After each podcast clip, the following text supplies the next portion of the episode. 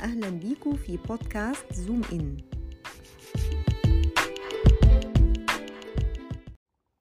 هنعمل زوم إن النهاردة عن ظاهرة بعض الناس بتعاني منها اسمها imposter syndrome أو متلازمة المحتال أو النصاب. لما حد بيكون محقق نجاحات وإنجازات في حياته والناس شايفاه شخص ناجح لكن هو شايف نفسه إنه لا يستحق النجاح ده وشاكك في مهاراته ومواهبه.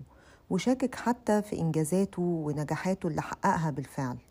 وشايف إنها جت معاه كده صدفة وإنه مش شاطر ولا حاجة وما يستحقش النجاح ده. عشان كده سموا المتلازمة دي متلازمة المحتال لأنه بيشوف نفسه محتال أو مخادع. نجح نجاح بالصدفة ما يستحقوش وجت معاه كده بالحظ. وإن مسيره في يوم من الأيام هيتكشف قدام الناس وهيبان إن هو مش ناجح ولا حاجة ومش شاطر ولا حاجة. عشان نفهم أكتر متلازمة المحتال خلينا ندي مثال. لو حد شغال في مكان وترشح لترقية أو جايزة لكن بدل ما يلاقي نفسه فرحان وفخور بنفسه بيلاقي نفسه حاسس إنه مخادع لأنه ما يستحقش الترقية أو الجايزة دي. دايما بيكون عنده إحساس بعدم الاستحقاق وإن الناس اللي حواليه أكيد أحسن منه وأكيد يستحقوا الترقية أو الجايزة دي أكتر منه. وأكيد إن هم عندهم مزايا ونقاط قوة أكتر منه مع إن دي ممكن ما تكونش الحقيقة لأن هو دايما بيبقى شاكك في مهاراته ودايما شاكك في نقاط قوته وشايف إنها جاية معاه كده صدفة. تعرف إزاي لو كنت بتعاني من المتلازمة دي؟ أول حاجة لو مش بتعرف تقيم مهاراتك وكفاءتك تقييم واقعي بعيد عن المبالغة منها أو التقليل منها. تاني حاجة لو دايما بتنسب نجاحك لعوامل خارجية وصدف. طبعا أي نجاح بيكون معتمد أولا على توفيق ربنا سبحانه وتعالى. بعدها بيجي مجهودك وتعبك وسعيك. لكن لو أنت دايما شايف إن نجاحك مجرد صدفة أو حظ فأنت محتاج تراجع نفسك. تالت حاجة لو دايما قلقان وخايف إنك تتعرض لموقف تكون فيه أقل من توقعات الناس منك. أو ببساطة كده تتعرض لموقف تتكشف فيه على حقيقتك.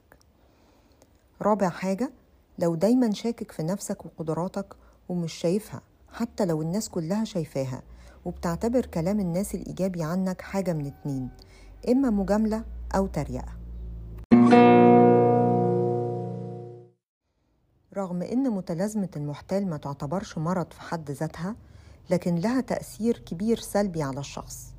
بعض الأشخاص الظاهرة دي بتخليهم يبذلوا مجهود أكبر ويشتغلوا أكتر عشان يسمحوا لنفسهم ما يبصوش لنفسهم كنصابين وكناجحين بالحظ. وده طبعا بيخليهم عايشين في قلق وتوتر كبير. ورغم القلق والتوتر والمجهود اللي بيعملوه إلا إنهم بيفضلوا برضو مش مصدقين في نفسهم. حتى لو بذلوا مجهود في حاجة ونجحوا فيها بيقنعوا نفسهم إنه لولا المجهود الكبير قوي اللي حطوه ده كان زمانهم اتكشفوا وبانوا على حقيقتهم. وللأسف كل ما بينجحوا في حاجة كل ما ده بيزود إحساسهم السلبي وبيفضل دايما جواهم فكرة واحدة بتدور أنا مستحقش أكون هنا. عشان الواحد يتحرر من متلازمة المحتال أو ال imposter syndrome في حاجات ممكن تساعد. أول حاجة قيم قدراتك بواقعية. اعرف أنت كويس في إيه واكتب الحاجات اللي نجحت فيها. ممكن تستعين بصديق يكون أمين ما يجاملكش ويقولك نقاط القوة اللي فيك بواقعية ومن غير مبالغة. تاني حاجة لاحظ أفكارك اللي بتقلل منك واللي بتخليك تحس بعدم الاستحقاق. قيمها كويس وقف قدامها وشوف هل هي فعلا منطقية ولا لأ. تالت حاجة ما تقارنش نفسك بحد.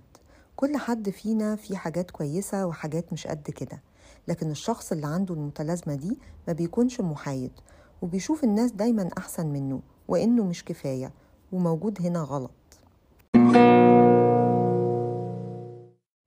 آخر حاجة ممكن أقولها إنك لو حاسس إن عندك المتلازمة دي فده دليل إنك ناجح أصلا وإن عندك نجاحات وإنجازات واضحة للناس لكن أنت اللي مش مصدقها. فحاول تستشعر توفيق ربنا ليك وتمتن للنجاحات اللي عندك دي. نتقابل الأسبوع الجاي في زوم إن جديد.